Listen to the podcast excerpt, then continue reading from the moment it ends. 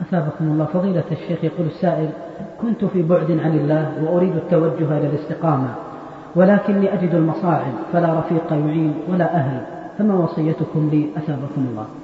أوصيك ونفسي بتقوى الله عز وجل وأن تعلم أن الأعمار بيد الله وأن الإنسان لا يأمن أن تأتيه منيته بين عشية وضحاها. أوصيك أن تنجو بنفسك. وأن تنيب إلى ربك وألا تبالي بصديق ولا بحبيب ولا بقريب من الذي قال إن الهداية تفتقر إلى أحد يكون معك؟ هل يضرك إذا كان الله معك ألا يكون معك أحد؟ قال أصحاب موسى إنا لمدركون قال كلا إن معي ربي سيهدين. معك ربك لمن تنيب؟ تنيب إلى الحي القيوم. تنيب إلى ملك الملوك وجبار السماوات والأرض وإله الأولين والآخرين. من بيده حياتك وموتك وغناك وفقرك وذلك وعزك ومهانتك وكرامتك بيده كل شيء سبحانه وتعالى. أتخشى إذا اهتديت؟ أتخشى إذا التزمت؟ إذا كنت أن تعيش الآن ما تعيشه من هذه النعمة وأن تعصي الله عز وجل فكيف إذا أطعت الله عز وجل؟ لا يسوء ظنك بالله. فوالله لئن أطعته وأحببته لجعل لك من أطباق السماوات والأرض فرجا ومخرجا. ولو كنت الوحيد في أهلك وأسرتك وعشيرتك وقومك فإن الله سيؤنس وحشتك وسيقوي قلبك وسيثبتك بتثبيته سبحانه وتعالى. لا تبالي وعليك أن تقبل على الباري وأن تصلح ما بينك وبين الله عز وجل وما يدريك. فلعل الذي تراه من حولك من العصاة والمذنبين من الأقربين لعل الله أن يهديهم على يدك.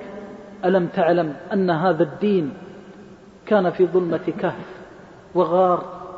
نزل به الروح الأمين على قلب سيد المرسلين صلوات الله وسلامه عليه. وانظر كيف ساد به الدنيا وأصبح اسمه في الآفاق. أشهد أن لا إله إلا الله. يقول المؤذن أشهد أن محمد رسول الله. هذا دين الله. والرحمة بيد الله والعزة من الله والكرامة من الله فأقبل على ربك.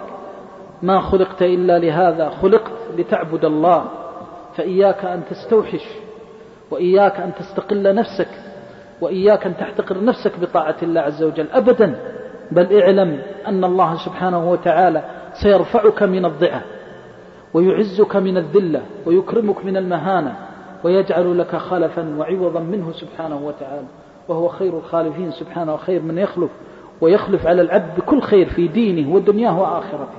فأبشر بكل خير من الله. إبراهيم عليه السلام وقف على قومه كلهم من الأقربين والأبعدين ليقول لهم قولوا لا إله إلا الله. فعاداه الناس عن بكرة أبيهم كلهم ضده. وآخر ما يكون أن يجتمعوا لقتله وهلاكه وتوقد النار نصرة للآلهة والشرك وعبودية غير الله عز وجل. ويرمى في هذه النار وهو كامل الإيمان كامل الإيقان في العظيم الرحمن. وقال كلمته حسبنا الله ونعم الوكيل. فقال الله تعالى قلنا يا نار كوني بردا وسلاما على إبراهيم. تأمل. أولا خرج من أرضه فقال إني مهاجر إلى ربي سيهدين. خرج من أرض أبيه وقومه وعشيرته فأبدله الله الأرض المقدسة. أرضا أطيب من أرضه وأبرك من أرضه. ثم أبدله الله عز وجل فجعل ذريته في البيت الحرام.